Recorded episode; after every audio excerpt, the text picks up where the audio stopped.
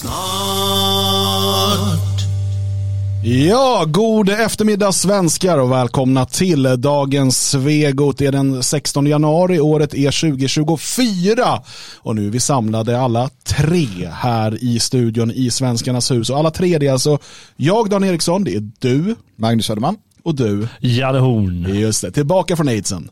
Aids, vad är det för något? det var det du hade nyss. Jaha, ja, ja, men ja, ja, det är så va. Man åker på det. Jag blev smittad av Magnus. Ja. Fråga mig inte hur. Jag ska inte prata om det här nu. Eh, men eh, bastun går bra. Förut. Bastun går bra, absolut. Eh, trevligt litet sidoprojekt jag har. Mm. Uh, vi pratar mer om det sen, eller så gör vi inte det tänker jag. Vi pratade ju om det igår en hel del på ja. kvällen. Vi ska inte prata om det alls nu tänker jag, utan vi ska prata om uh, dagens Svegot. För det är ju det här programmet. Ah. Och vi har tre ämnen att prata om idag. Eh, och, och, det ser vi ju fram emot helt klart. Eh, först så ska vi prata Ylva Johansson mm. och det medvetna folkutbytet. Eh, hon döljer det ju inte direkt. Nej, om man säger så. Inte.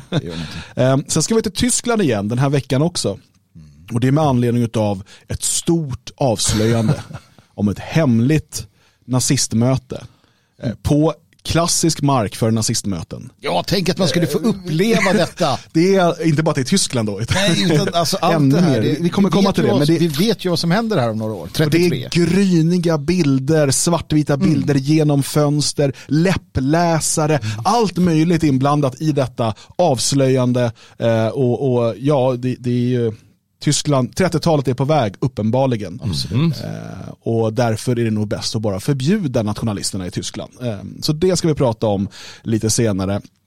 Och sen ska vi in i Aftonbladets nya snyftreportageserie. Eh, man har då startat en ny reportageserie för att nu är det dags. Det är alldeles för många vänsterröster som nu tystas av hat och hot. Och en av dem det är en kille som aldrig har fått några utrymmen, några pengar, ingenting. Tobias Hübinette. Han var bara en liten oskyldig korean som ville eh, prata. Mm. Och så kommer dumma rasister och förstör för honom. Mm. Ja. Där har vi det. Det det ska vi prata om idag. Mm. Annars då? Allt är fint? Trivs ni i kylan? Ja, absolut. Ja. Jag vaknade i morse, det var kallt som tusan hemma. Det var 15 grader i huset kanske och 22 minus ute. um, och då kan man lätt bli lite missmodig, men man drar igång brasan, man kokar lite te, man vaknar till liv, rör på sig lite och så inser man att man, man, man, är ändå van vid det. Va? Och så tänker jag på alla de här människorna som har kommit till vårt land under senare tid och som inte är van vid det och som kanske mår lite dåligt och så blir jag ännu gladare. jag, jag hoppas att det kom någon under den värsta köldknäppen, någon som bara kliver ut ur planet och bara nej, nej, tillbaka. Men det finns ju också det här sköna, det finns ju något klipp på, på, på internet. Ja, han är faktiskt tillbaka i sitt hemland nu. Han är det? Eh, det var någon, om det var Mauri eller någon av de där som gjorde en sån här uppföljning, var är han nu? Mm. Och om jag förstod det, jag har mig för då att han är tillbaka i det landet, ja. ett varmare land. För han ja. går ju helt så inpölsad ja. han, var, i... han var inte helt nöjd. Nej. Ja, nej, men det var jäkligt Det började redan igår kväll. Jag, jag, provade att eh, cykla lite faktiskt för att få lite fart och eh, se mm. vad som hände. Och eh, man blir gråtögd på, på två sekunder och det verkligen sk det skar in i kinden när man får lite, lite fart mer än när man går. Ja. Alltså, det, det, är häftigt och då var igår kväll då var det ju inte några 18-20 minus än utan då höll det sig på 12. Mm. Lägg på 10 till, då gör det riktigt ont. Ja, men jag, jag, tycker ändå att det är skönt. Alltså, det är mm. betydligt skönare än den här äh, två minus, lite blött och jävligt. Utan nu är det, nu är det kallt, det smäller i skogarna. Äh, det, det är liksom, vi hade idag när vi tittade ut hur de här iskristallerna som, som finns i luften, hur de liksom glittrar, glittrar och sprakar. Ja. Och, och, det är betydligt trevligare än ja, inom några veckor eller någon vecka eller två så blir ja, det Nästa vecka blir det plus igen och då är det ja. grått och tråkigt och sådär. Så att, äh, äh, vi måste älska att leva i det här fantastiska landet ja, ja, med de här skiftande årstiderna och så vidare. man skämmas. Äh, någon som inte verkar älska det här landet, åtminstone inte människorna som bor här, det är ju Ylva Johansson, mm. EU-kommissionär. Och hon är då utsedd till EU-kommissionär utav då regeringen Löfven, för det var i samband med förra EU-valet. och eh, som hon, eller kanske till och med fick förlängning, nej sedan 2019 är hon kommissionär. Så är det. Mm. Och nu är det ju snart nytt val till Europaparlamentet och då kommer ju med största sannolikhet hon bytas ut eh, mot någon moderat Ylva Johansson. Mm. Eh, så att eh, det är väl ingenting som kommer göra någon större skillnad men det jag tycker är så intressant med det som vi har skrivit om det på detfriasverige.se här senaste veckan och så, men det som vi ska titta på eh, från en, ett eh, samtal i Aten på ett eh, möte där, det är någon migrations ehm, eh, myndigheten i Grekland som har bjudit in henne för hon är ju ansvarig då för inrikes och migrationsfrågor där i Europaparlamentet, i kommissionen. Um, och eh, Det som är så intressant är hur öppen hon är med vad som sker och vad de vill ska ske. Mm. Um, det är liksom ingen slump eller så. Ska vi lyssna på det först? Ja, men bara, bara så att vi sätter det till rätta då. Eh, hon är alltså EU-kommissionär, mm. vilket då innebär att hon är svuren lojalitet till EU. Det vill säga att när man blir kommissionär så är man inte längre representant för nationalstaten man så att säga kommer ifrån. Det är en del av det som vi förstår. Hon är alltså inte i parlamentet utan hon är kommissionär. Precis, och eh, om ni vill förstå hur det där fungerar så gjorde vi en, en hel eh, avsnittsserie om EU. Ja. Eh, konspirationen mot Europa. Eh, och i en av de delarna förklarar vi hur EU är uppbyggd mm. med, med kommissionen och parlamentet och, och högsta, Europeiska domstolen och sådär. Eh, så att det kan man absolut kolla in om man vill förstå hur det här eh, fungerar. Mm. Eh, men hon är, man skulle kunna kalla det för en minister mm. i mm. EU, skulle man kunna säga. Politruk man kan säga att kommissionen är regeringen. Just det. Eh, medan eh, parlamentet är riksdagen, om man ska mm. förenkla det. Men eh, låt oss eh, lyssna till eh, vad hon säger här när hon är på besök i, eh, i Grekland. Yes, I think this is really important. Just to give you some figures on the EU level, that uh, on, on an ordinary year we have around three and a half million legal migrants coming, and approximately 300,000 irregular coming, like 10% compared to, to the legal ones. And the legal migration works very well, I must say, but it's not enough. Because for demographic reasons, the, working, the, the population in working ages in the EU will decrease with 1 million per year. Is decreasing with 1 million per year. That means that the legal migration should grow more or less with 1 million per year. And that is really a challenge to do that in, a, in an orderly way. So I think it's very important that we see that this is a comprehensive approach that is needed.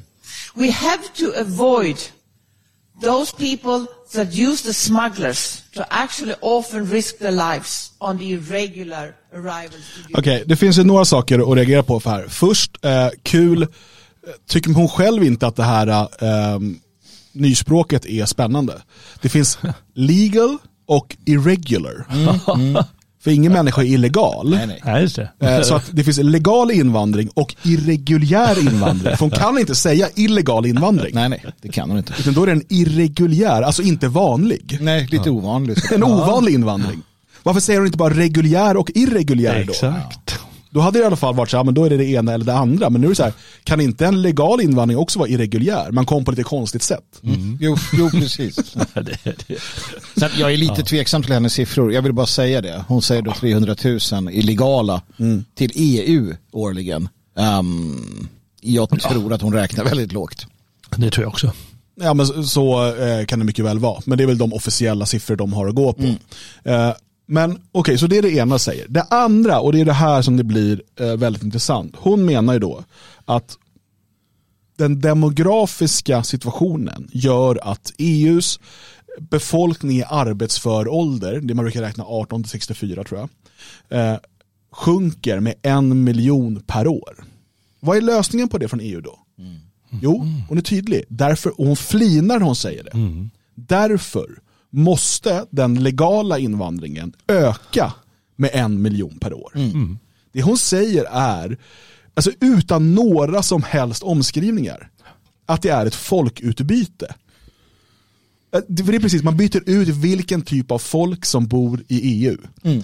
genom att säga att de européerna som bor här, de minskar med en miljon. Och det enda vi kan göra åt det, om vi nu måste göra något åt det, det är att fylla på med en miljon icke-europeer. Och och här säger hon ju det som eh, vi sa. Om, man, om man går tillbaka i tiden så, så hade vi ju det här på agendan för 10 år sedan, 20 år sedan, 30 år sedan. Och vi, vi konstaterade att Alltså precis som vi idag konstaterat när de släpar oss i fängelsehålorna så kommer de ha lagen på sin sida. Så sa vi att när de börjar prata om ännu mer eh, massinvandring och ett folkutbyte om 10 år eller 20 år så kommer de använda det faktum att vi inte föder tillräckligt många barn som, som så att säga skäl. Mm. Och de kommer ju ha rätt i, i någon bemärkelse. Men det vi också sa var att orsaken till att det här händer är ju för att de själva skapar en familjepolitik mm. som på intet sätt gör det liksom attraktivt för människor eh, att bilda familj. Samtidigt som man också slår sönder relationer, man slår sönder familj, tanken på familjen, man, man slår sönder eh, liksom känslan för det artegna, man slår sönder känslan för nationen. Idag ser vi att jättemånga unga vill inte försvara Sverige. Eh, för att man förstår inte vad det är man försvarar. Alltså, allt det här har ju politikerna sett till att, att skapa. Och sen sitter de och säger att ja men nu föder man ju inga barn så nu får vi ta in allihopa. Det, det, det jag reagerar på det är man undrar lite hur de tänkte när de lät henne bli kommissionär. För det är ju kommissionen trots allt som väljer eh, om hon duger eller inte. Ja, precis. De gör en intervju med henne och sen röstar de huruvida, jag tror parlamentet röstar också för att godkänna. Det är ju uppenbart att hon inte... Nej, förlåt jag tror vi kom fram till det förut, att de röstar på alla kommissionärer samtidigt. Mm, ah, så Precis, var det, det finns det, liksom ja. ingen möjlighet. Jäkligt många intervjuer. Det är för annars så skulle det ta evigheter för att mm. nu vill ju alla få igenom sin. Och då, ja. ja. Men eh, det är uppenbart att hon inte är så värst intelligent. Ehm, och man undrar ibland om de ja, men vi låter henne sitta där och eh, dra, dra ur sig det här så att det blir det normala och tänka på det här viset. Dels som du säger med det här irreguljära eh, och dels bara så här rakt på sak. Här, folk tycker det är stötande när de, för de fattar ju direkt att aha, det här är ju ersätta människor. Ja, väck med en miljon eh, fransoser. Det är mer eller mindre inte bara att de går i pension utan de bort med dem och in med minst en miljon nya hela tiden. Det tycker folk är stötande. Men nu låter pratar om, ja, men låt henne snacka med sin eh, knasiga svenska dialekt och, och, bara inte lite metodiskt och, och, lite diplomatiskt dra fram där utan bara rakt på. Då vänjer sig folk. Eh, det, det är vad vi kallar normalisering och vi kommer eh, komma, återkomma till det när det gäller Tyskland eh, sen hur man, hur man använder språket, hur de anklagar de högerextrema för att normalisera ord som återvandring då och så vidare. Men det var, det var också, det är också det, alltså, den här dumheten som är lite grasserande eh, också hos politik, eh, politikerkastet. Eh, jag minns här nu, det var någon, någon eh, pressis, eh, Socialdemokraterna och så fick hon frågan på hon som stod där då, sa men vad tycker ni om det här, eh, alltså det som står i manifestet nu som regeringen eller vad det var hade gjort. Hon sa ja det är ju inte publicerat, vi har ju inte läst det så vi vet ju inte, alltså det har ju inte kommit, så bara, jo men jag har det ju här.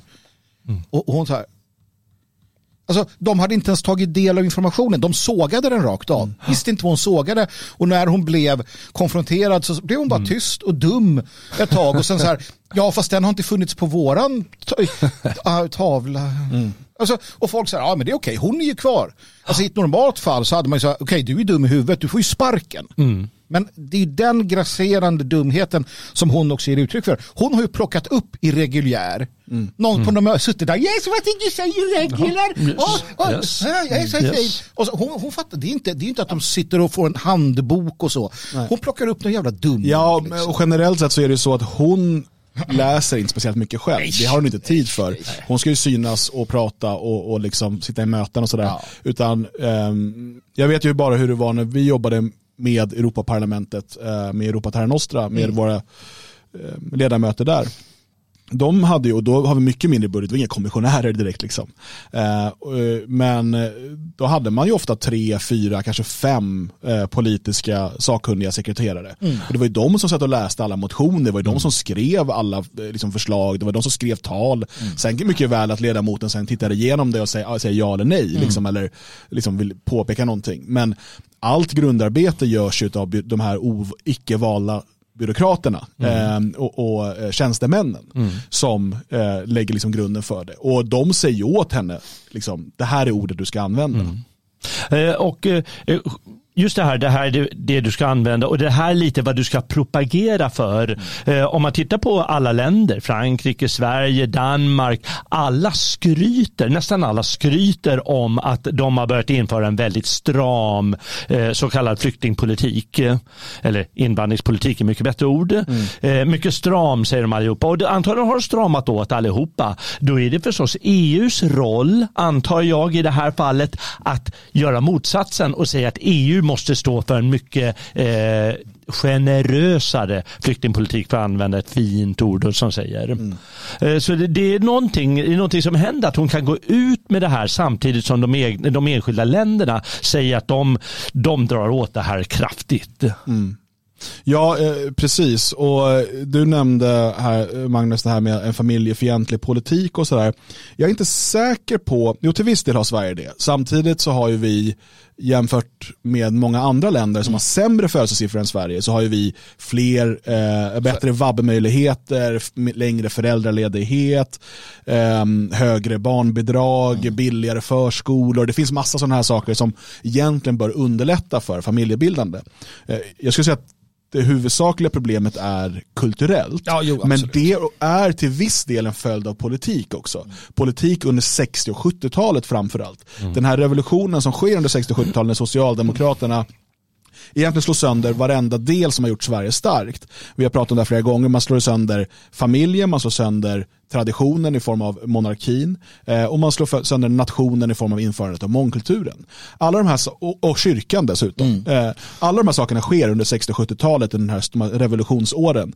Eh, och det man gör till exempel när det gäller familjer, är ju avskaffandet av sambeskattningen. Nu är inte det någon generallösning. Tyskland har sambeskattning. De har mm. fortfarande problem med mm. nativiteten. Så det, det förklarar absolut inte hela bilden. Men det skapar en kulturförändring eh, och jag vet i Tyskland så är fortfarande diskussionen i, mellan öst och väst. För i öst hade man ju eh, en typ av kommunism i DDR och där var det ju så att båda föräldrarna gick och arbetade och så hade man dagis från ett års ålder. Medan i väst så hade man ju en, en tradition av att eh, ofta var kvinnan hemma med barnen och de kanske började på förskolan när de var tre, ofta så börjar de inte liksom för, alltså så börjar de skolan, de var hemma tills de började skolan. Och det lever fortfarande kvar. I väst är det mycket vanligare att, att mödrarna är hemma med barnen medan det i öst är mycket vanligare att också mamman arbetar. Och det, det finns klassperspektiv på det här, det finns massa sådana saker. Men det finns den här också diskussionen där um, man eh, ifrån väst ofta då kallar mammorna i öst för rovdjursmammor för att de, de bryr sig bara om sig själva och så de går och jobbar. Det finns massa sådana här diskussioner. Men Sverige valde ju den kommunistiska modellen, den mm. östeuropeiska modellen utav dagis från ett års ålder, båda ska arbeta. Eh, men jag säger inte att det liksom förklarar hela nativitetsfrågan. Men det som sker under 60 och 70-talet är inte bara en politisk revolution. Nej. Det är en kulturell revolution i Sverige där vi går från det gamla traditionella Sverige in i det nya moderna. Och där ser vi ju störtdykningen. Vi har ju framförallt, jag skulle säga, eh, förutom då sönderslagningen av familjen så har det ju den fria aborten, eh, p-pillret och så vidare som som faktiskt genomför det här. Och istället för att då göra något åt de sakerna, orsakerna till att svenskar och europeer föder färre barn, så ska de bytas ut. Det är lösningen. Ja, jag ska låta dig prata lite till för att jag tänker ställa dig en fråga mm. som du kan svara på. För du har nämligen skrivit om det här. Du tar upp 60-70-talet. Vad gjorde Ylva Johansson på 60-70-talet, Dan Eriksson? Jag vet inte hur mycket hon hann då. 70-talet till viss del så han och nog var engagerad. Vad var hon för någonting? Vad har hon för bakgrund? Ja, eh, hon är ju då kommunist. Eh, hon var ju kommunist så länge kommunismen var stark. Jaha. Så länge europeiska länder låg under kommunistiskt förtryck ja. så var hon kommunist. Då var hon kommunist. När kommunisterna förlorade ja. på 89-90, officiellt i alla fall, vi mm. kan ha en annan filosofisk diskussion huruvida de verkligen förlorade eller om de levde kvar. Ehm, då slutade de kalla sig det och gick med i Socialdemokraterna i början på 90-talet. Mm. Mm. Men hon var ju då aktiv i kommunistisk ungdom. Mm. Och sen satt hon i Sveriges riksdag för ett parti som hette Vänsterpartiet kommunisterna. Jaha. Och för de som inte vet då, så länge Sovjet fanns och kastade in pengar ja. på ett eller annat sätt så kallade man sig kommunister. Så fort pengarna sinade från Moskva För det råder inga tvivel om att det var så det fungerade. Kanske inte direkt in i partiet, men vi, i alla jäkla organisationer som fanns runt omkring. Så fort pengarna sinade, ja, då bytte man namn och så började man hitta nya samarbetsvägar. Eh, men eh, så att Ylva Johansson är ju då, hon är uppvuxen i kommunistisk ungdom. Hon har varit uttalad kommunist så länge det var opportunt. När det fick motvind så slutade hon kalla sig för det. Men eh, hur mycket tror ni hennes värderingar har ändrats sedan dess? Inte speciellt mycket tror jag. Nej, det känns ju som att hon, hon, hon passar också som handen i handsken i EU-parlamentet och i... eh, Kommissionen. Ja, precis. För att det, det, det är ju väldigt likt alltså Sovjet, högsta Sovjet och hur, man, hur det fungerade. Och korruptionen och det faktum att hon då som vet så mycket bättre än oss kan ju också liksom sko sig väldigt mycket på detta och, och sitta och sticka i parlamentet och, och glädjas åt att alla andra får det eländigt. Ja, nej, men inte bara det utan eh, Först slår man sönder traditionerna och sen så ersätter man traditionerna med statligt styre. Och vad är det här att vi ska, nej men oj, nu, nu har vi klantat oss lite när vi slog sönder traditionerna. Eh, nu måste vi reparera det med politik eh, och de stora lösningarnas politik, givetvis alla socialistisk modell. Och det är till exempel, ja men då tar vi in eh, en miljon människor per år. Eh, Så löser vi det problemet. Sen att det kommer nya problem som skapas av det, eh, ja men det är skitbra för då behövs vi om fem år igen. Precis, och för mig påminner det om, nu, nu är ju som vi vet ju att liksom den här invandringen inte är en lösning på eh, arbetskraftsbristen som uppkommer för att vi liksom har en minskande befolkning. Eh, men eh, det, det säljs ju in så. Och för mig det påminner om eh, människor som blir till exempel bidragsberoende. Eh, och människor som hela, varje månad får bidrag utan krav på motprestation. Som därför aldrig tar sig i kragen och ser till att skaffa ett jobb eller en utbildning eller vad som nu krävs. Utan det är okej så här. På samma sätt fungerar européerna. För de, det sägs aldrig, det är upp till er nu att se till att det finns en framtida generation som kan arbeta, som kan ta hand om er när ni blir gamla och så vidare. Utan istället säger man, för det första, det är vi politiker som kommer lösa det här. För det andra, om ni inte skaffar barn, det gör inget. Det är bara bra, då kan ni jobba och konsumera. Vi kommer importera ny arbetskraft. Och undermedvetet kommer de här signalerna hela tiden. Istället för en poli- poli- politiker som tydligt säger att du har ett ansvar här som svensk, som europé. Att se till att uppfostra dina barn och se till att, det, att eh, vårt land eh, blir ännu bättre för nästa generation och så vidare. Så är det liksom så, så säger man istället det enda ansvaret du har egentligen idag det är till dig själv och dina egna nöjen och liksom gör din karriär, konsumera eh, och liksom vara en, en bra skattebetalare, var ledig så lite som möjligt, eh, helst liksom ingenting alls och sen eh, att du inte skaffar barn det gör ingenting för att Mohammed och Mustafa eh, kommer kunna lösa det åt dig. det här går ju också hand i hand med och det, det tycker jag att vi ska vara liksom uppmärksammade. Upp, vi ska upp, vara uppmärksamma på det. Vi har sett Sandviken, vi såg och vi skrev om det på detfriasverige.se om vad som händer i Göteborg med eh, tvångsintegration som står på schemat. Vi, vi såg i Stockholm hur man pratar om att bygga ihop Rinkeby och Bromsten. Alltså överallt där Socialdemokraterna finns med nu och hon är socialdemokrat sitter då som, som eh, kommissionär. Överallt där socialdemokratin finns så har vi också nu en, eh, tycker jag det verkar som, en, en en liksom man, sätter, man lägger i gasen, en högre växel på att genomdriva det man säger i sina egna program, i sin nya samhällsanalys. Att vi måste, som de sa, blanda upp den svenska befolkningen. Hela Sverige det, det, ska blandas, det vill säga det ska inte få finnas några vita svenskar kvar i förlängningen. Eh, och hon konstaterar, och, eller de konstaterar också där då att, att eh, man ska använda metoder som man aldrig tidigare sett på en nivå eller på en skala man aldrig tidigare har gjort det här är det vi, vi ser. Alltså hon vill importera och sen ska det tvingas fram då eh, att, att göra detta. Och gör vi inte det så kommer alla svälta tydligen. Vi måste, bara, vi måste nämna det. Hon, ja, hon säger ja. det att, för hennes poäng är ju, det hon säger att utan invandring hade vi svultit. Det var inte med nu i nu, den här delen, för det, det är en annan del i intervjun. Eh, hennes poäng är just det, att hade vi inte haft den invandringen, då hade det inte varit någon som jobbade. Då hade vi, liksom, då hade vi svultit här. Jaha, hade vi kunnat köpa någonting. För invandringen kostar inga pengar. Nej, nej, nej, nej absolut inte. Man ska tänka på liksom förskjutningen av eh, skälen och förklaringarna till den här invandringen. För 2015, kom jag ihåg, då var det ju, ja, det är ju flyktingskälet. Vi måste göra humanitära skäl, ja, det sa man tidigare också.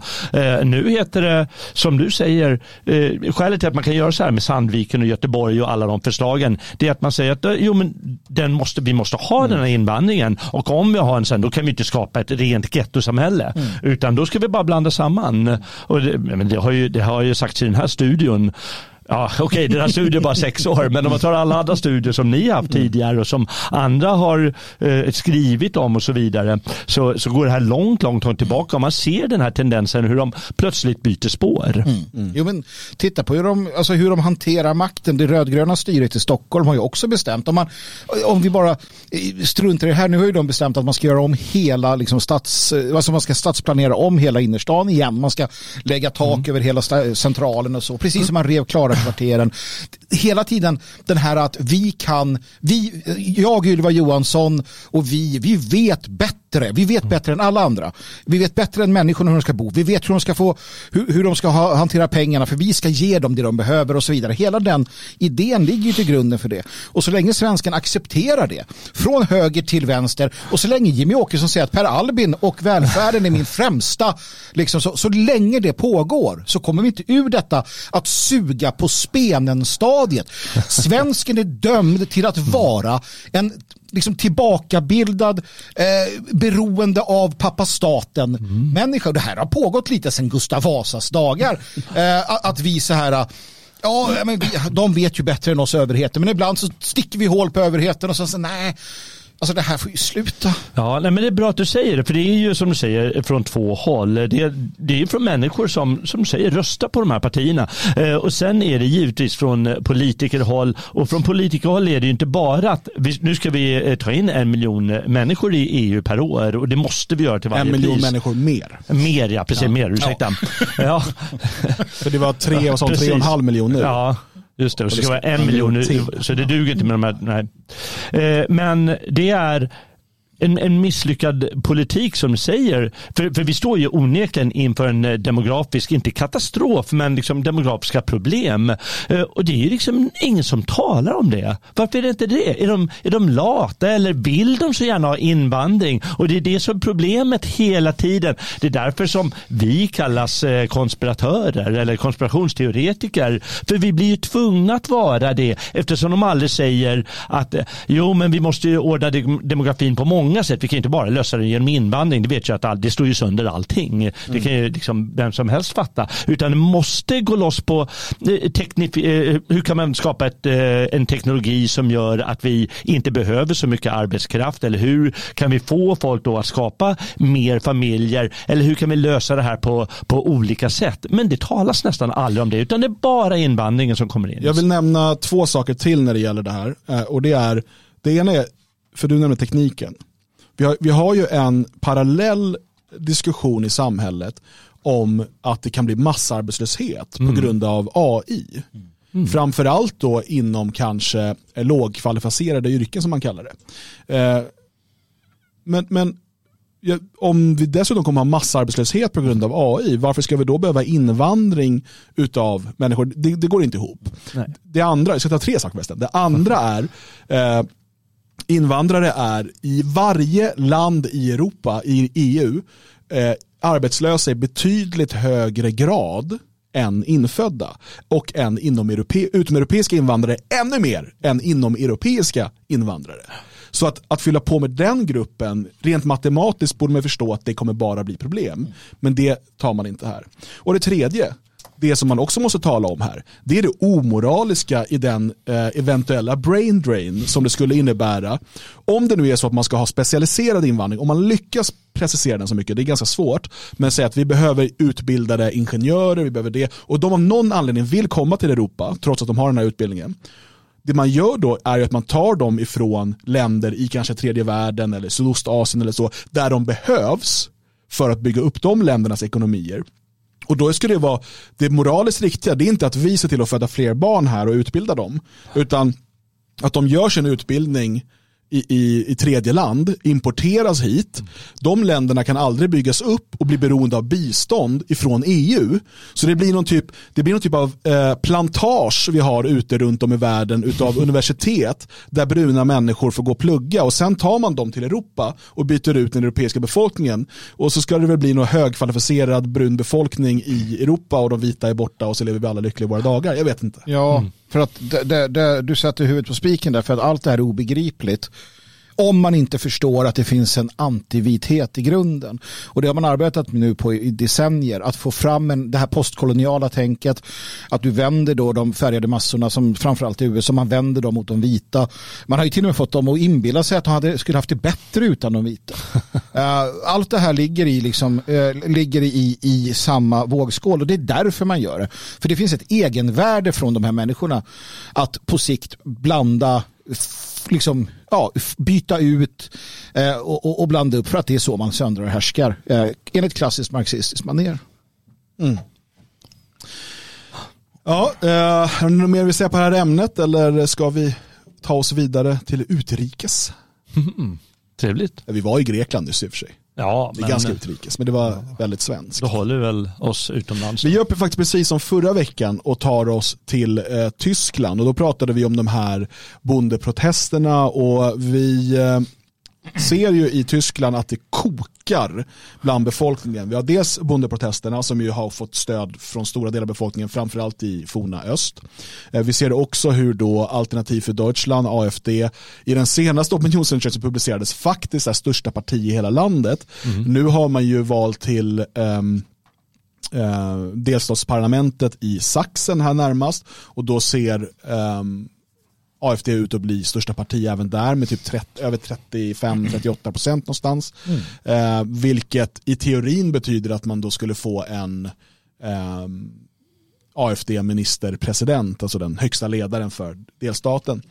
Ehm, Vi får se om det verkligen blir så. Eh, Det skulle, ser också ut som att Socialdemokraterna de ligger runt 3 procent, vilket skulle vara det sämsta valresultat de har gjort i något delstatsparlamentsval någonsin.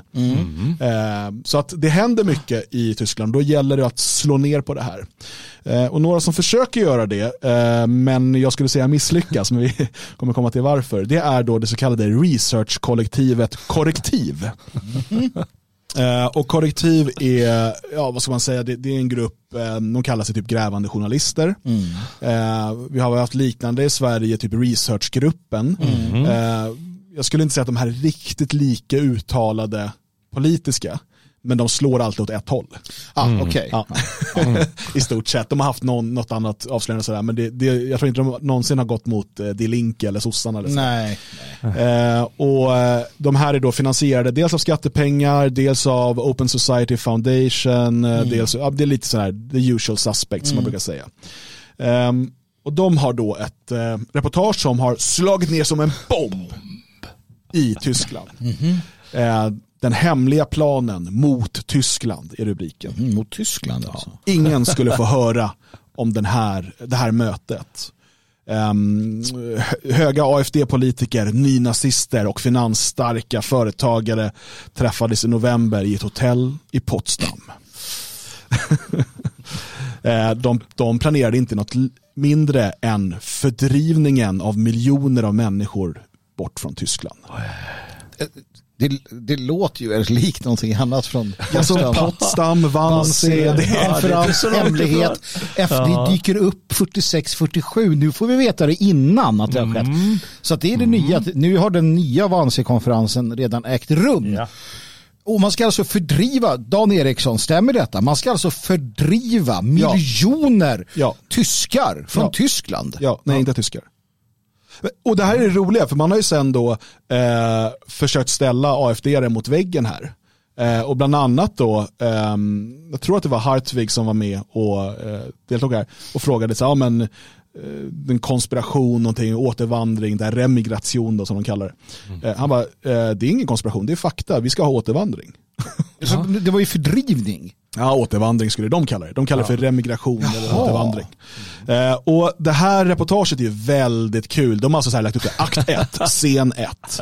Ett landhotell vid vattnet. Och så är det då eh, här gryniga svartvita bilder genom fönstret. Kamera 3. Mm, mm, mm, mm. Och alltså ni som ser videoversionen här. Och här är Martin Sellner, marketingstrategen. De har liksom byggt upp som någon typ av actionfilm. Här kommer eh, förbundsdagsledamoten Gerrit Hui. Och så är det så här citat och så har de haft läppläsare och de har haft allt möjligt. Och kör svartvita bilder så ska påminna om 40-talet också. Vem är neonazisten i, i sammanhanget? ja, men det är typ Martin Sellner. menar. Wow. Eh, och han är då ledare för identitärerna i Österrike. Ja, där kommer en österrikare. Det blir bara bättre och bättre. Jag dyker upp i Wannsee. Men det är inte bara nazister och AFD-ledamöter, det är också rika människor. Nej, det är ju hemskt. De där rikingarna alltså. Och det här, alltså det här är det här är det stora i Tyskland, det har varit de senaste dagarna. Det här att de ska ha haft den här, det här mötet då. För det de har gjort här är eh, enligt då eh, korrektiv och de har själva berättat lite om det här då. Att de har pratat om eh, hur skulle återvandring kunna fungera. Eh, för att de vill ha återvandring av miljontals människor. Eh, Okej, hur skulle det kunna gå till rent praktiskt? Eh, liksom, det, alltså den här typen av diskussioner som är viktiga att ha för ett parti som aspirerar på makten. Eh, men man försöker göra det till att det är något så här superkonstigt. och det, och det, ja men kolla de träffar ju Martin Sellner. Eh, han är ju nazist. Det är han ju inte. Men Nej, det är han inte. eh, de försöker liksom få det till det. Och så de här rika människorna, de ska då, för att det är ju inte konstigare än att de har träffat dels då, eh, vad ska man säga, eh, en typ av, inte, inte influencer, alltså jag menar Martin Sellner är ju också en typ av strateg. Eh, och han har väldigt gott anseende i, i stora delar av de här kretsarna. Och sen då ledamöter från eh, AFD, både på, eh, i, alltså på eh, förbundsrepubliksnivå och eh, delstatsnivå. Eh, och även då ehm, ett antal olika finansiärer som har stöttat AFD. Eh, och eh, man har också pratat om kampanjer man skulle kunna ha för att lyfta frågan om återvandring. Nu har de ju fått gratis eh, marknadsföring. Ja, men- men alltså just anslaget i det här eh, är ju är väldigt roligt. Ja, men det är ju väldigt roligt. Men det, det är inte bara roligt utan det är ytterst pinsamt. Kommer ni ihåg för ett antal år sedan när Horace Engdahl sa att jag skulle säga att Tyskland är ett Sverige för vuxna. Tyskland har tyvärr tappat den där rollen. när, när de släpper ett sånt här och det blir stora snackisen i hela landet. Och, eh, vi, vi kan återkomma till det sen, men liksom någon så här språkprofessor eller så som uttalar sig hur de använder de här ord som remigration. Och eh, det, det är så uppenbart ideologiskt färgat det hon säger eh, när hon drar fram det. Eh, Så att det blir pinsamt. Det blir ytterst pinsamt. Det blir så låg nivå på det hela och du, de tar fram som en liten thriller det här. De, det går för många krimis i, eh, på tysk tv helt enkelt. så det, de är så färgade. För här är alltså då nazisterna enligt dem. Det är Martin Sellner. Och sen är det Mario Müller. Och, det, och det är så här en dömd våldsman. Oj. Oj. Just det, de på slutet där. Och sen en ung identitär. Identitären är ju inte nazister men alldeles oavsett. Eller en, poj, en identitär, alltså en en identitär pojke. Ja, men vad blir, ja, ja. Men jag måste Ja. fråga, den här, jag har ju liksom tittat igenom den här, jag är ju inte lika eh, hemma med språket som ni. Alltså det jag försöker förstå, det är, har, de inte, har ingen någonsin talat om återvandring i Tyskland tidigare? Alltså så i modern politisk debatt och diskurs. Är det här något, alltså hur kan det här ha slagit Alltså vem, alltså blir de, har de, alltså har de så här, åh de vill säga, oh, de vill få människor att flytta hem igen fruktansvärt. Har de inte liksom, i Sverige har vi ju eh, ändå att staten kan ombesörja människor som vill flytta hem och sådär. Det finns ju hjälp att få. Finns inte det i Tyskland? Är man fast i det jävla landet om man hamnar där? Ja, här har vi ju René Springer då som är ledamot av eh, förbundsrepublik, eller eh, vad heter det på svenska? Bundestag, förbundsdagen, Mm. eh, som motsvarande riksdagen i Tyskland. Eh, och han säger ju där rakt ut, då, för de kallar det Geheimplan, hem, hemlig plan. Ja. Han säger vi kommer att skicka tillbaka utlänningar till deras hemländer, miljontals. Detta är ingen hemlig plan, det är ett löfte. Ja, men hur kan det För blivit? ökad säkerhet, för mer rättvisa, för att bevara vår identitet för Tyskland. Men vem har blivit indignerad av detta? Vem har blivit... Alla utom AFD, vilket just nu är alltså eh, typ en tredjedel av befolkningen. Alltså AFD är ju typ Ja, största jo, parti, precis, de har ju mellan 25 och 30 procent. Jag fattar bara inte att det kan vara liksom, jag, jag förstår inte. Här pra- för det, det, nu blir jag lite så här, för i Sverige pratar vi återvandring och... Ja, fast liksom- inte i den här skalan. Och låt oss faktiskt här eh, ge ros där det krävs. AFD verkar inte backa, åtminstone inte bra. Utan tvärtom. Nej, nej, det är klart att vi ska skicka tillbaka miljontals. Det är också väldigt kul att säga, bara säga det, att, att, att AFD sitter här tillsammans med um, identitärer och andra. Till skillnad från Sverigedemokraterna som har en panisk rädsla för alla Ja, som men vill Sverige Sverigedemokraterna är ju rädda för AFD. Ja, precis. De är rädda för AFD. Men jag menar, tänk om vi hade kunnat ha en, en liksom, ett, ett, ett, ett kollegialt samtal alltså, eh, med Sverigedemokraterna. Eh, Men vi vet att ni lyssnar och vi vet att ni tar, tar in det vi säger i alla fall. Så det, är väl, det är väl bra på det sättet. Men, men jag tycker ändå att all heder åt AFD här i sammanhanget. Eh, verkligen, och all oheder då åt, eh, åt de som försöker vända på steken och kalla det för hemligt som det geheimplan. Eh, eller som du säger, att vadå, är det ingen som har talat om någon form av återvandring i det här landet? Jo, men det är det, för, de, för det har ju också varit en, en del av debatten där, ja, de är bara här tillfälligt, många av dem. Ska ju givetvis åka hem så småningom. Eh, och så händer inte det. Och här har vi det här eh, ordet som du sa, remigration. Eh, och då försöker någon språkprofessor, det har blivit, det kallas då das Unwort des Jahres. Just det. Årets vadå, o-ord eller? Ja, och det där är ju eh, en, det, det utnämns ju varje år Ja. i Tyskland. Och det roliga med de orden är att det liksom alltid är eh, invandringskritiska ord i stort sett. Det är ord som man inte borde använda. Just det. Ja. Eh, Men, och då försöker de säga att det här är en sorts försköning, remigration, så att man ska slippa säga återvandring. Eller som de säger, att det ersätter ordet deportation. Det vill säga att det ska deporteras. Så det är ingen som använder det i vanligt eh, språkbruk i Tyskland heller, så vet jag vet. Eh, att folk ska deporteras eh, i containrar tillbaka till Irak eller var de kommer ifrån. Eh, då, för då, då försöker hon säga att det är en försköning av eh, vad de egentligen skulle vilja säga. Vem vet, massmord kanske hon egentligen Ja, tycker. precis. Men Folkfördrivning. egentligen är det inte så det ligger till. Precis som det inte är en ge- geheimplan, det är inte en hemlig plan. Han säger nej, nej, vi menar ju det här. Det är öppet, det har vi alltid tyckt. Eh, Så är det likadant här. Remigration, var kommer det ifrån? Jo, det kommer givetvis från ordet migration. det är så enkelt och det vet ju alla. Så, och det har alltid varit så att eh, den nya högerrörelsen som, eh, som har kommit i massinvandringens spår, den reagerar hela tiden på den tokighet som sker inom politiken. Och på samma sätt är det med språket, att ordet remigration kommer från migration, där man har ersatt ord som invandring och liknande med det neutrala, förskönade ordet. Och här är det eh, användning av eufemismer, nämligen förskönande ord, för att då de som propagerar för det inom EU och vänstern och så vidare, så att de ska slippa använda ordet invandring som de menar är moraliskt belastat. Och högern då reagerar på det och skapar ordet remigration. Det är väldigt enkelt hur det går till. Men istället för att säga sanningen så hittar de på en massa andra förklaringar. Och det är så fräckt. Ofta är det bara löjligt givetvis. Remigration, eh, eh, hemliga planer, eh, hela tiden neonazis eh, säger det när man kan och så vidare.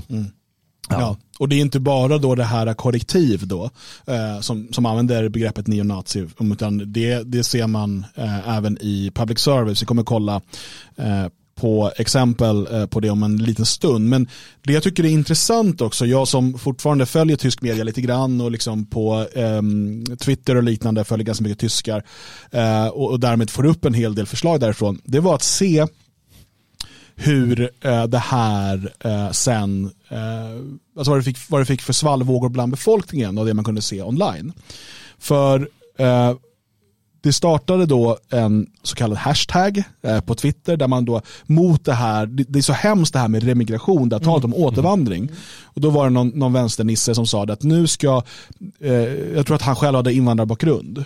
Och sen så uppmanade han alla med invandrarbakgrund att berätta sin historia och liksom, det här är ert land också. Och så börjar han liksom så här, men jag typ ungefär i stil med min mamma och pappa kom från Turkiet på 70-talet, jag har bott här hela mitt liv och jag betalar skatt och bla bla bla. Det här är mitt land, jag kommer aldrig återvandra. Och sen så hashtag berätta er historia. Mm. Och eh, det där fick spinn, men kanske inte riktigt den spinn de hade räknat med. Utan det som händer, det är att massor av tyskar och människor, eh, alltså icke-tyskar, invandrare i Tyskland, börjar använda den här hashtaggen för att berätta sin historia och varför de är för återvandring. Oj, oj, oj, oj. Eh, och det blir liksom, eh, det blir väldigt kul. Eh, och det finns hur många exempel som helst, mm. jag det bara tog ett eh, här som syns i, i videon. Men, eh, och, och jag såg till och med någon som skrev, eller folk som skrev så här, jag, eh, jag är tysk, eh, jag är gift med en utländsk kvinna, vi har lämnat Tyskland, inte på grund av AFD, eh, utan på grund av eh, ampelpolitiken, alltså mm. den här regeringen. Vi eh, kan tänka oss att återkomma när återvandringen har startat. Sådana där. Alltså, ingenting blev som de hade hoppats, mm. Eh, utan istället så blev då remigration, mm blev det trendande ordet på Twitter i Tyskland i flera dagar. Mm. Återvandring var det största temat som diskuterades. Men, men, det är också för att folk förstår ju det här och det, det här, jag tror att de har förstått det här redan alltså i början på 1900-talet. Alltså den här, den här äh, antipropagandan mot nationalismen, den anti, alltså det här hetsen och sådär. att ähm, Alltså, folk förstår att det är väldigt ansvarstagande och ganska goda människor på vår sida i politiken. Det vill säga att när vi säger att vi vill ha återvandring så menar vi inte folkfördrivning medelst vapen och pansarvagnar utan vi menar att man i laga ordning ska se till så att människor som och så vidare och så vidare. Samma sak här när AFD säger så. De menar ju inte att det ska rulla boskapsvagnar österut eller västerut eller åt något håll utan att det här ska ske. Alltså allt det här är i deras skallar. För det är en lögn. De bygger hela sin, de bygger hela sin, alltså de, de här äh, ampelpolitikerna, de här, äh, jag hörde att man hade satt upp någon, någon så skyddsvall mot AFD i politiken så de ska inte få något inflytande någonstans. Mm. Det är ju en liten, liten psykopatisk sekt utav extremister som, som genom historien alltid ställer sig mot folket, mot mm. folkviljan som de säger sig försvara och så vidare. Um, och det ser vi ju återigen, det är ju därför utlänningar röstar och också på SD till exempel eller på AFD och säger att jag kommer tillbaka när ni har gjort er av med de här, det här jävla packet som de andra har tagit in. Mm. Då kommer jag gärna tillbaka mm. eh, som kommer från ett, för att jag är en, en vettig människa som, och så vidare. Eh, det, det, är viktigt, det är bra att du tar upp det där för eh, man undrar hur, hur kan folk rösta på sossarna? Menar, hur kunde folk rösta på alla de här partierna som har gjort det där? Och, och och hur kunde det överhuvudtaget bli så här med, med den här gigantiska invandringen? Eh, bland annat om man nu tycker andra frågor är viktiga kan man ju ställa sig det också. Men, men det här är ju den mest sprängande frågan de senaste 30 åren eh, i Europa. Och eh, det ena är ju att folk, de, de, de visste inte vad de skulle göra. Det är det, det, är det vanliga. Mm. När du kommer i situationer, du vet inte hur du ska lösa det. Det är för svårt helt enkelt. Så de låter det bara tiden gå och mm. ser vad som händer. Vi får hoppas att det löser sig. Och det andra är, de trodde aldrig i sina liv att eh, politikerna kunde göra eller tillåta detta ske. Det är ju självklart, det, det, vet ju alla. Men som du säger, den här sekten, de drar sig inte för att göra det. Om de tycker att det är enklast, ja, skitsamma. Och eh, det, är därför, eh, det, det, är därför det har blivit som det blivit och det är därför folk är som det är och det är därför politiken har blivit som den har blivit. För de är liksom på något sätt varandras motsatser. Mm. De kör, politikerna kör då över mm. folket ja. Eh, om det måste till. Mm. Och vi har en väldigt intressant utveckling eh, för att som sagt det är val i mm. Sachsen här eh, under våren, om, om någon månad bara tror jag. Mm. Och ehm, AFD ser ut att bli största parti. I, på förbundsnivå och, och, och så vidare och även i Sachsen så har man talat om den här brandväggen. Brandvägg, mm. Man ska se till att AFD inte får något inflytande, även om de blir största parti. Det här är samtidigt som vi har en växande secessionsrörelse i öst. Vi har till exempel eh, partiet och folkrörelsen Freien Sachsen eh, som arbetar för att Sachsen och eller Sachsen, Thüringen och så vidare, alltså de här gamla östlän, eh, östdelstaterna, eh, att de ska frigöra sig från förbundsrepubliken, att de ska kräva secession. Eh, och, och föreställ er bara en framtid här, vi har en väldigt förbannad befolkning, framförallt i öst, men egentligen hela Tyskland, men framförallt i öst, eh, som inte ännu har drabbats lika hårt av massinvandringen och de kan fortfarande stoppa det känner de. Eh, att de går man ur huset till vallokalerna för att rösta fram AFD. Men AFD förvägras inflytande. Istället sitter mikropartier och styr, ungefär som Miljöpartiet gjorde i Sverige 2006 till 2014. Eh, och, eh, så det spelar liksom ingen, eh, ingen roll vad de röstar på. Då kommer ju secessionsrörelserna få ännu mer stöd. För var, varför ska vi vara en del av den här förbundsrepubliken? Varför ska vi liksom tillåta att vi blir överkörda hela tiden? För sanningen är ju den att tittar du på öst och väst så röstar de väldigt olika. Men det är väst som kontrollerar öst hela tiden. Eh, och eh, jag hörde allt oftare från, från folk när jag bodde i det som då är forna öst och så vidare. Jag hörde allt oftare det här med att vi blev inte eh, befriade 89. Vi blev ockuperade av en ny stat. Alltså tidigare var vi liksom ockuperade från öst och nu är vi ockuperade från väst. Tidigare av Sovjet, nu utav förbundsrepubliken Tyskland. Men, men lägg där till då också, för du, du glömde en liten brandfackla. Och det är att det är hundratusentals traktorer ute på vägarna. Man hade igår, tror jag, i måndags var en, en, avs, en inte en avslutning, men en stor manifestation i Berlin, bland annat. Eh, och nu är man på tårna. Det här finns både i öst och väst. Det här är i princip hela befolkningen bakom bönderna. Eh, så att med den nyvunna stridsviljan så, så finns det ju en annan aspekt där också. Och som sagt, här har ju regeringen, eh, den tyska, redan, redan efterkommit några av kraven, kraven. Men man är inte nöjd, så man fortsätter. Ehm, och, och det samtidigt som det här sker. Så att det är ju någonting att lägga i den där krutdurken. Det är det verkligen och eh, frågan är hur långt vågar de gå? Eh, både, det är väl inte bara politiker utan inom författningsdomstolen och så vidare eh, med sina krav mot AFD och sin brandvägg. Ni kommer väl ihåg eh, för, jag tror att det är tre år sedan, eh, då de eh, så att säga kuppade i Thüringen när det blev en president, eh, i, ministerpresident tror jag det heter, i Thüringen som eh, de på riksnivå såg till att han stöttes bort. Så var det, det var ju från Liberalerna då, från FDP, men han blev ju framröstad utav AFD. Precis. Och då slog ju brandväggen till. Och eh, hur ska de göra en brandvägg i det här fallet när de får 25, kanske ännu mer? Tänk om de får 30-35 procent.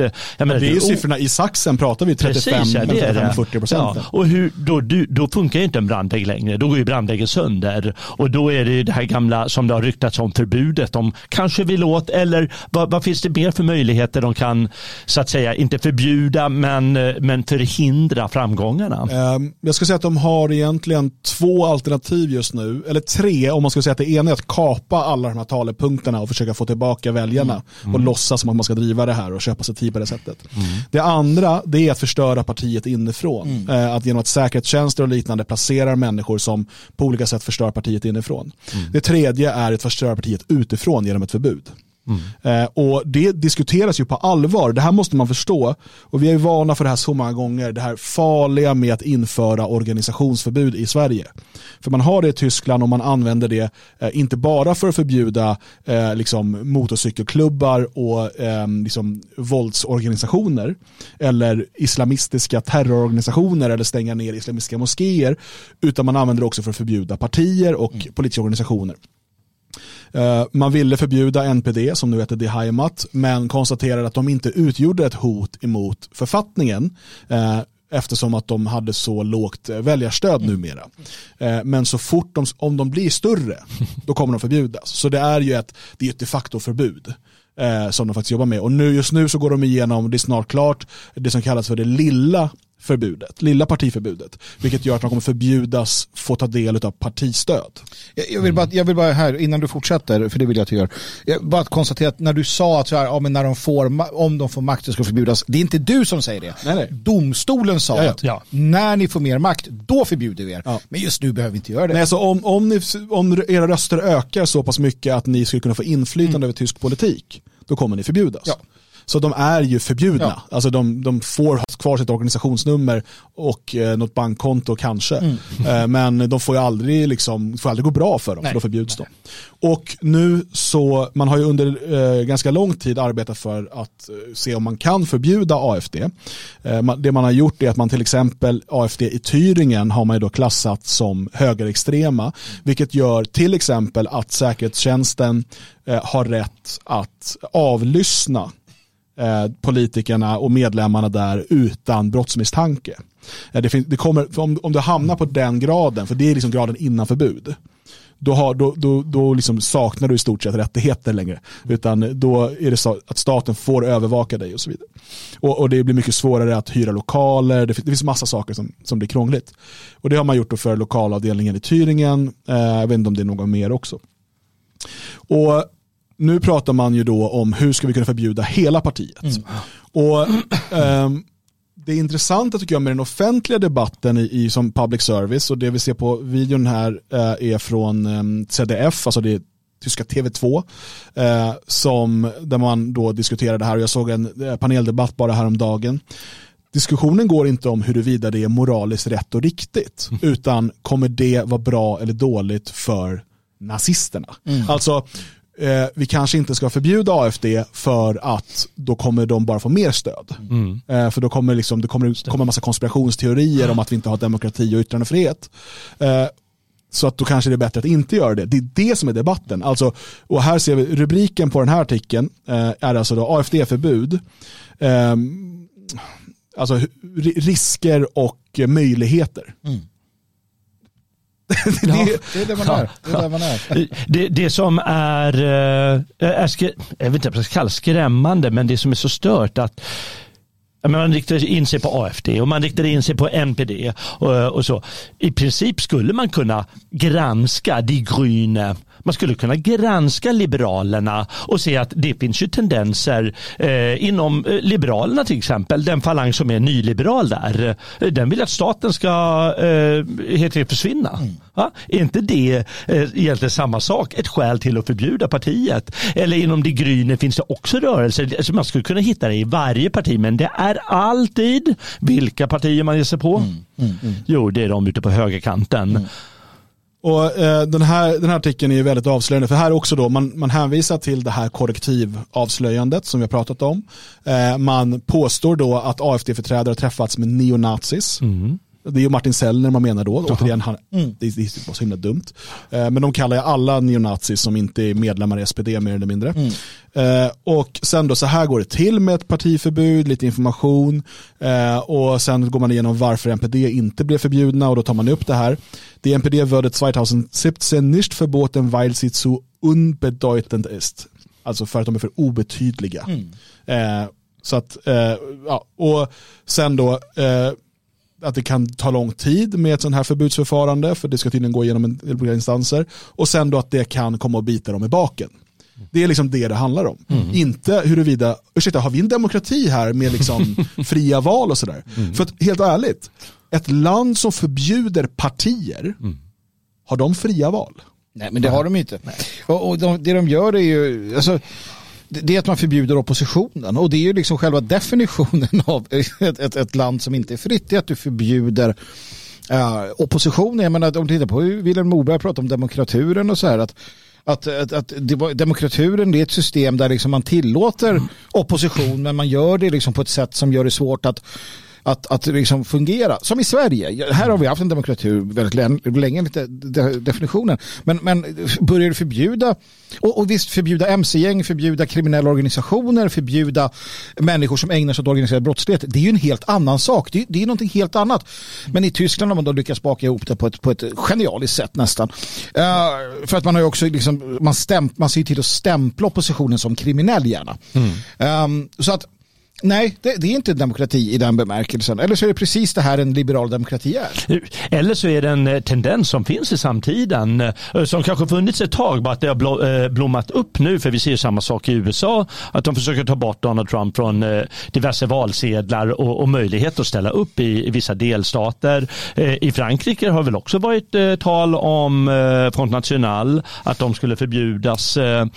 I Sverige har man inte riktigt gått så långt, men det är liksom den, Nej, men det, den det finns inte heller. I Sverige kan du inte förbjuda nej, partier. Inte, nej, det kan du Vi har föreningsfrihet i Sverige, men den håller man på att avskaffa ja, nu. Ja. Och, och, saken är att när du väl har avskaffat det, då har du öppnat Pandoras ask. Mm.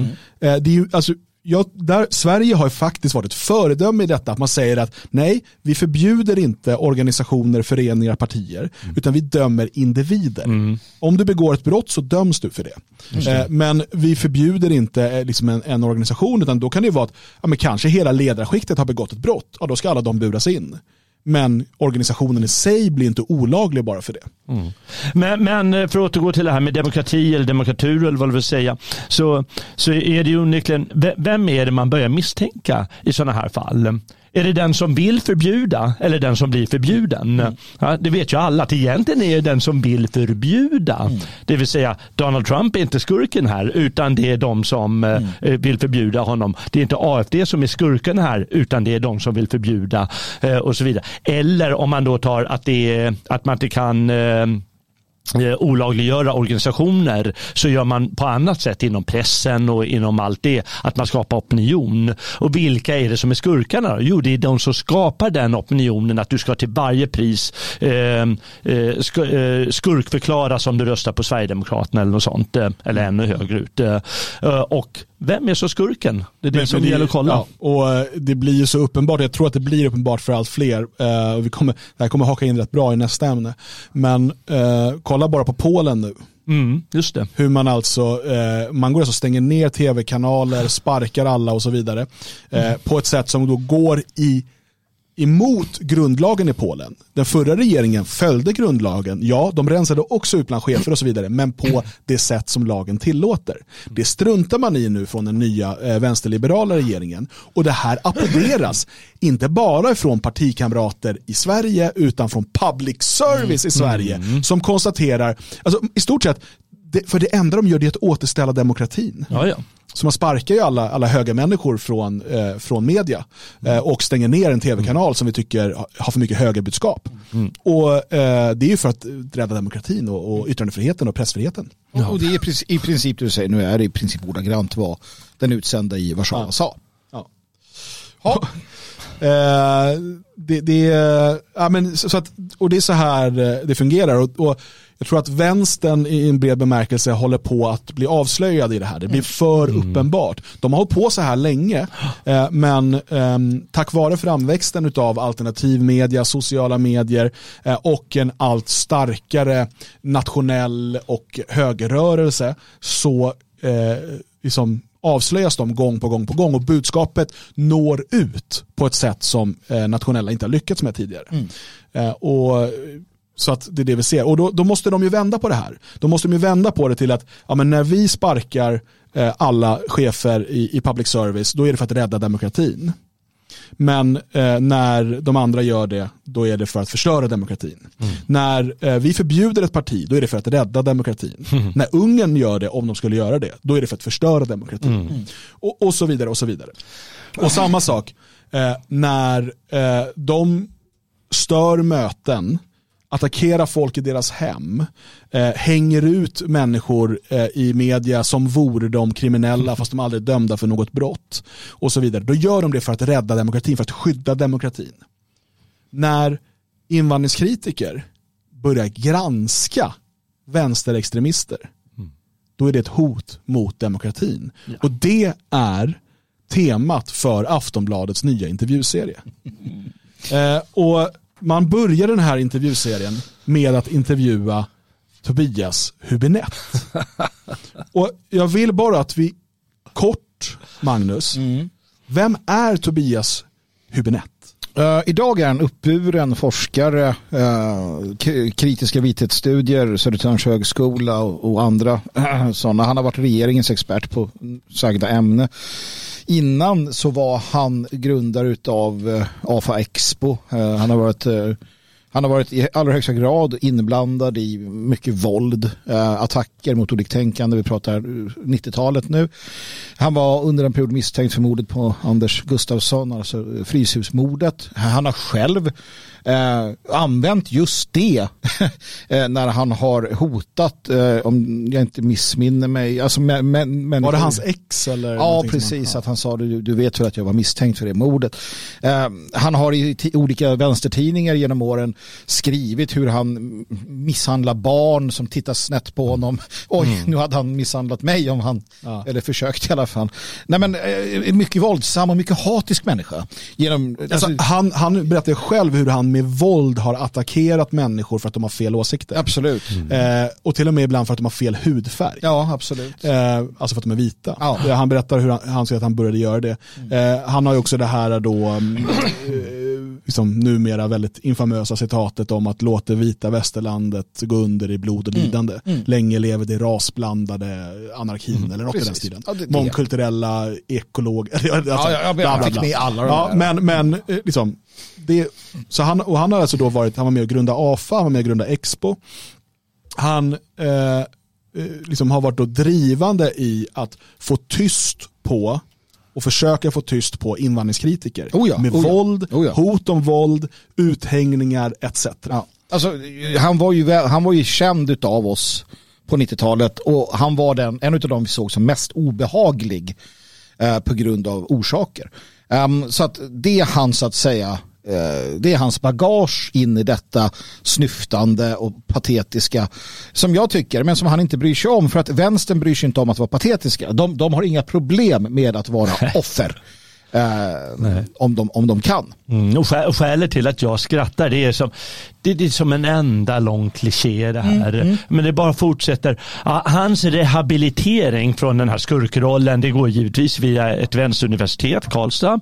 Mm. Eh, Aftonbladet rehabiliterar med sina otroligt uttjatade klichéer om hat och hot och trakasserier och allt vad det är och snyftreportage och han själv är en enda lång jävla klyscha. Mm. Alltså det är, det är så löjligt det kan bli. Mm. Det är lägre än den här tyska tidningen. ja, ja, ja, men, det är det, det är alltså rubriken här då är alltså då eh, på den här intervjuserien då de högen vill tysta. Mm. Återigen, kom ihåg nu vem vi pratar om här. Mm. Och kom ihåg den strategi och taktik som Aftonbladet mm. och liksom hela vänsterrörelsen har använt mm. för att få tyst på invandringskritiska röster mm. i 50, 60, 70, 100 år. Mm. Alltså det, det, det, är liksom den taktik man använt. När det inte har fungerat med social eh, Eh, sociala straff i form av uthängningar och eh, bli beljugna i deras media eh, så har man aktivt kontaktat arbetsgivare. Och i vissa fall då har man låtit gatutrupperna gå till våld och alltså attackerat folk i sina hem, attackerat demonstrationer, attackerat möten och så vidare. Människor har, och för att skrämma människor till tystnad. Och Tobias Hübinette har varit drivande i ja. detta. Jag bara säger det också, att en, en sån som Mattias Våg skriver ju då på Aftonbladet också med jämna mellanrum. Han kommer förmodligen bli, bli intervjuad också. Skulle inte förvåna mig. Ja. En, och, och han, hans renommé inom den eh, antifascistiska rörelsen sträcker sig ju från dess begynnelse tänkte jag säga till, till eh, liksom modern tid utan tvekan. Ja. Magnus, jag vill att du läser uh, ingressen här. Absolut. Uh, Intervjuserien. Samhällsdebatten har hårdnat de senaste åren. Samtidigt som antalet alternativa högermedier blivit allt fler har många vänsterröster dragits undan eller tystnat. Tungt vägande orsaker är hat, hot och trakasserier från högerextremt håll. I en serie intervjuer kommer Aftonbladets ledares Jonna Sima att möta opinionsbildare, journalister och universitetsanställda som blivit drabbade på olika sätt. Men med den gemensamma nämnaren att de vägrar ge upp kampen för ett jämlikare och mer rättvist Sverige. Oj, oj, oj. oj, oj, oj. Gåshud. Uh, vi har att vänta mina vänner. Vi har att vänta. Det är alltså människor som de har, man har försökt tysta med mm. hat, hot och trakasserier från högerextremt håll. Mm. Låt oss då berätta om hatet mot Tobias Hübinette. Det var en kille som ville gå hans kurs. Det var det. Ja, det var det. Och han hade fel åsikt. Och Vad han, tyckte han? berättade Punkt. lite. Berättade lite. Han passade på att berätta lite för sina följare om vad som hände på den här kursen. Alltså med skattebetalarnas pengar så håller då Tobias Hübinette en kurs i ras, eh, kritiska ras och vithetsstudier. Eh, och Det här har man ju hört om i några år. Det Christian Pettersson sa att jag ska gå den där kursen och se vad det är för någonting. Och ska jag berätta för er alla vad det är för någonting. Och då så skrek Tobias, det är hat, det är hat, sluta, han letas, han letas. Ja. Han, han pallade ju med. Han? Pallade med efter alla år. Han pa, Peter, alltså efter, det tog en, en halv termin, en halv kurs. Sen så sjukskrev sig. Ah, Ja, det var en lektion. Var det en lektion han sjukskrev sig? Efter en lektion. Är det halva kursen? det kan ha varit halva kursen. Nej men alltså hela den där historien är ju bara så dum i sig. Alltså, eh, just, just, just det, jag menar att, att han då som no, alltså professor och lärare inte klarar av att det finns en högprofilerad i det här fallet då, en person på kursen som inte håller med honom och som från start har sagt att jag går in i det här för att kritiskt granska vad fan du håller på med. Om du som lärare inte kan hantera det, då är du ganska dålig. Då är du ganska dålig, men då är du då är det ju någonting annat och det är ju det det har blivit. Eh, Inte universitetet i allmänhet utan vissa delar av det, liksom vissa delingar, delar av eh, eh, gammelmedia, att den har blivit sekteristisk. Och hans kurs är onekligen en sekt. För här kommer någon som säger att eh, ja, men nu vill jag granska det här och eh, jag är till och med öppen med det. Ja, Jag har gått in för, för att granska det. Jag kommer spela in skiten till och med. Och, och, och håller på. Det är klart det är lite bråk sådär men det är någon som inte infogar sig i sektens regler. Och då tar det bara en lektion som måste läggas ner. Herregud. Och kom ihåg eh, enligt artikeln här så har hälften av de som eh, eh, gick kursen hoppade av efter halva kursen, alltså en lektion då, antar jag. Så vi visar att de faktiskt är sekterister, för de kan inte gå med på några andra regler. Ja, men och därtill så konstaterar de ju ett faktum. Och det är ju att Christian fick ju gå kvar på kursen. Han, han, stod inför, han stod inför disciplinnämnden eller vad det heter. Och man kom fram från universitetet och sa att nej, vet ni vad? Du har inte brutit mot några Du regler. har inte gjort något fel Nej. pojk, sa de. Du får gå kvar. Och den här uh, Hybinetska, ja och så vidare och så vidare. Alltså, så han har ju inte gjort fel. Det ska ju någonstans framgå. Det gör det lite grann, men då säger Hübinette att ja, men också rektorn på universitetet tyckte att han borde ha blivit avstängd. Vet Han kände han, så. Han pratar nog inte sådär. Jag, jag tror att han pratar helt annorlunda mot vad jag. Borde. Här har vi då eh, påstående från Hübinette. Vi kan väl eh, faktagranska det då, eh, som de faktagranskare vi är. Det är förresten korrektiv. Eh, De är faktagranskare på Facebook. Just det. Just det. Extremhögern och SD har ju på senare tid eh, mer eller mindre förklarat krig mot vissa samhällsvärden som de uppfattar som dominerad Nej, nu blir jag bara efterbliven.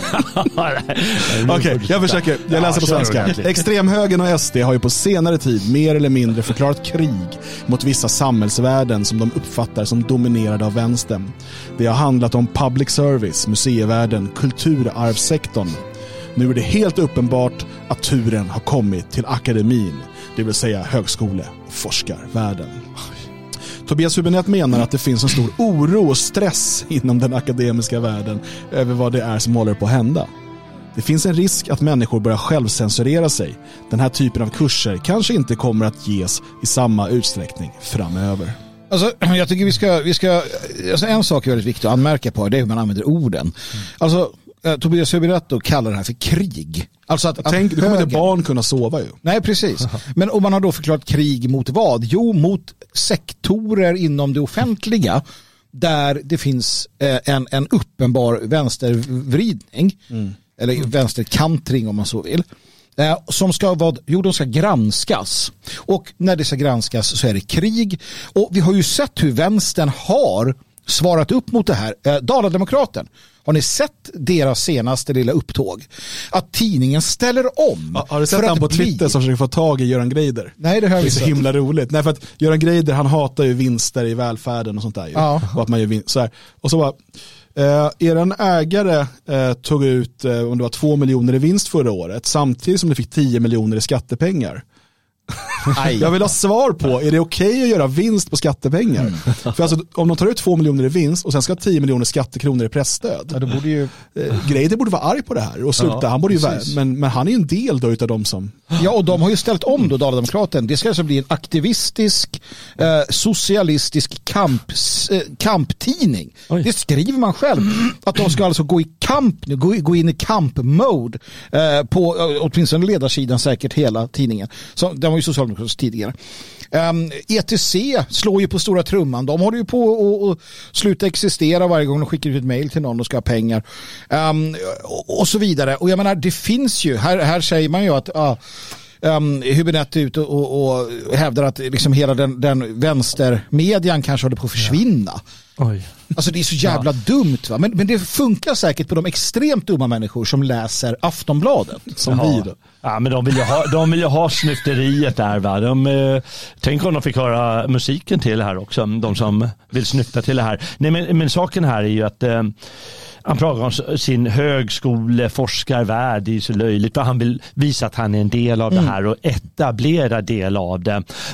och han vet mycket väl, för de har varit helt öppna med det, eh, vänstern, den här gamla Gramsci, eller Gramsci-tanken, att eh, man, man, ska gå den här långa vägen genom eh, vad heter det, institutionerna mm.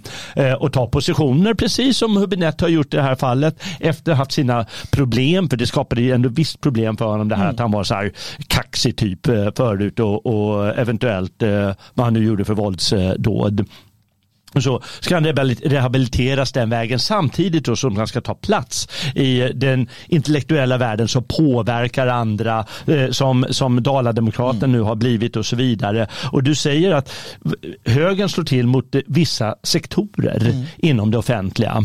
Eh, och det är, det är liksom återigen den här reaktionen mm. man gör från högerhåll. Att man inser här har de tagit över institutioner.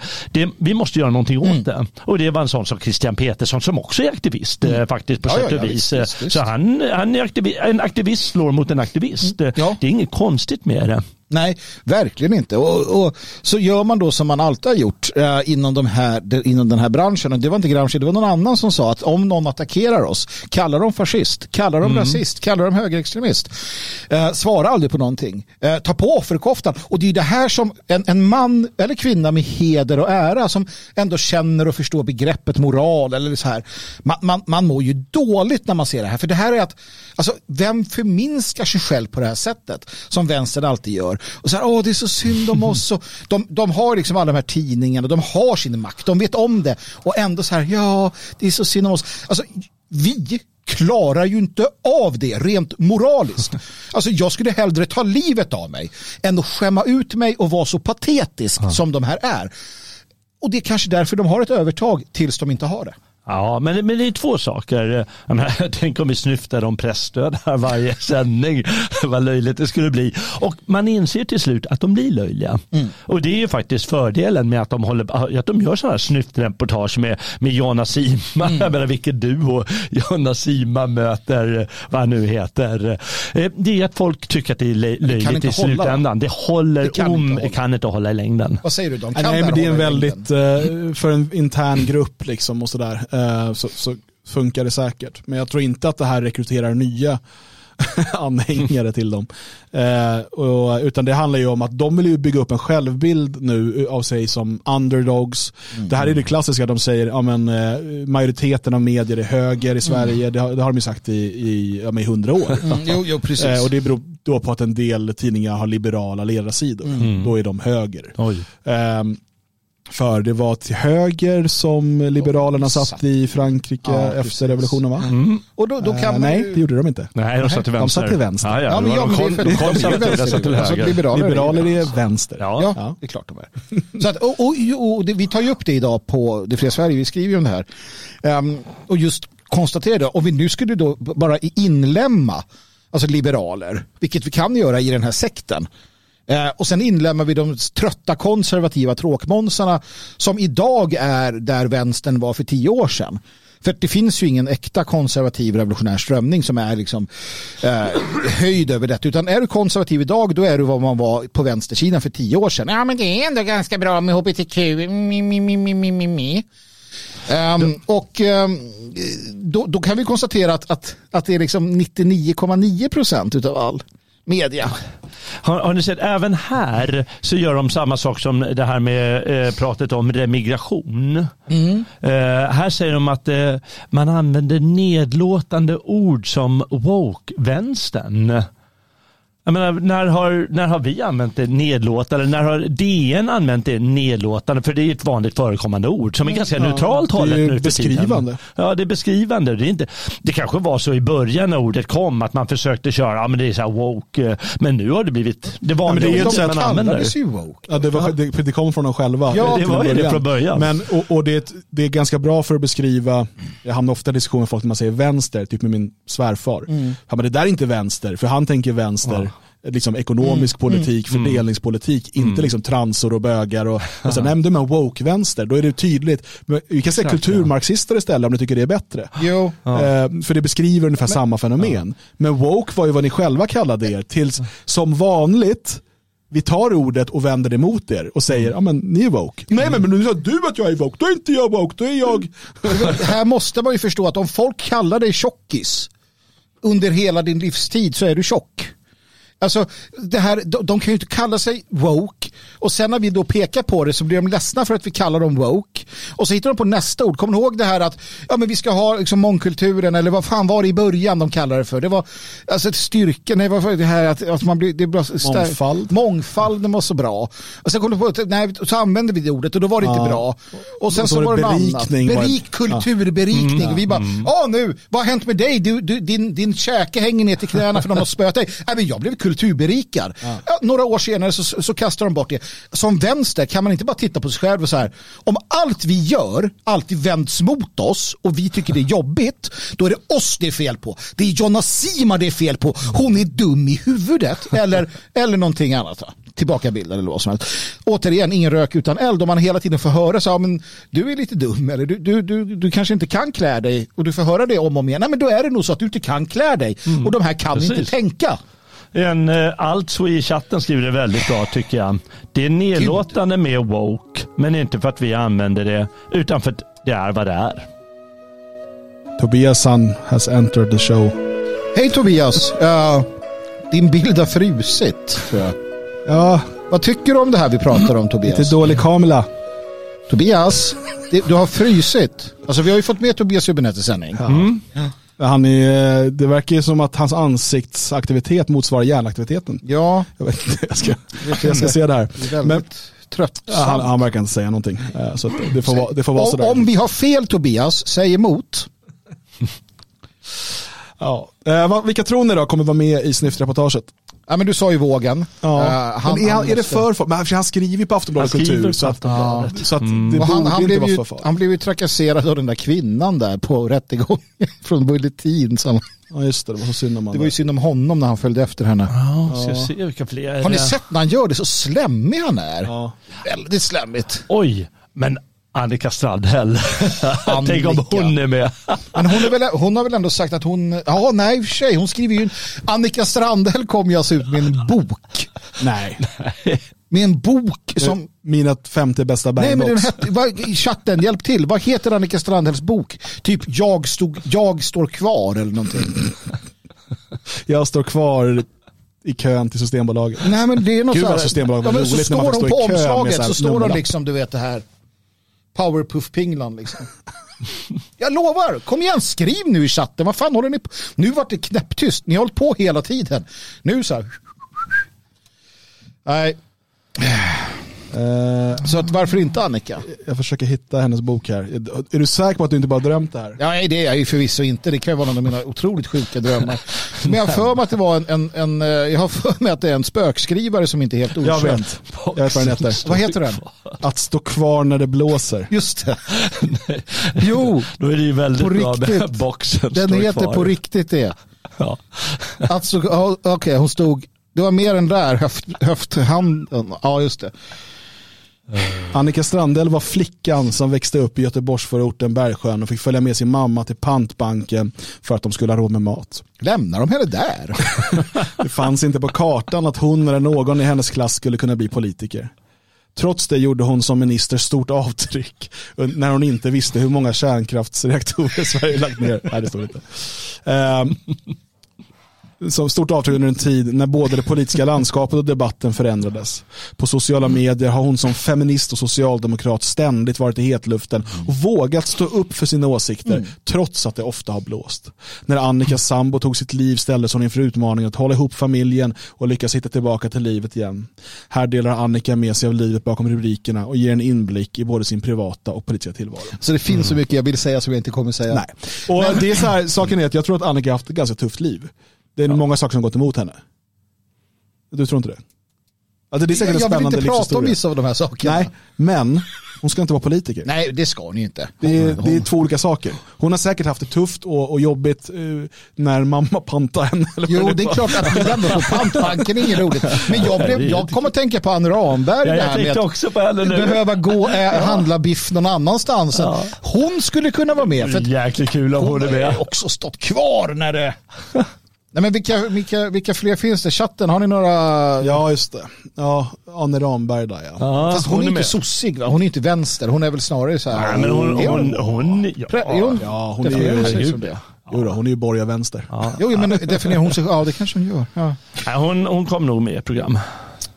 Vad finns det annars för starka flickor? Ja, men som sagt, Strandhäll skulle kunna dyka ja. upp där. Du skulle kunna, vad sa de, journalister? Ja, men då är vi typ Jonas Sima intervjua sig själv. Ja, eller Anders Lindberg eller... Ja, men det får inte vara för många män heller. Veronica nej. Palm. Ja, Veronica Palm kan nog dyka upp. Det är inte helt omöjligt. Hon har inte börjat jobba än va? Nej, hon, hon, är inte hon, skriver inte hon också på en bok? Ja, säkert. Hon cashar in. Att stå, att stå palm heter den.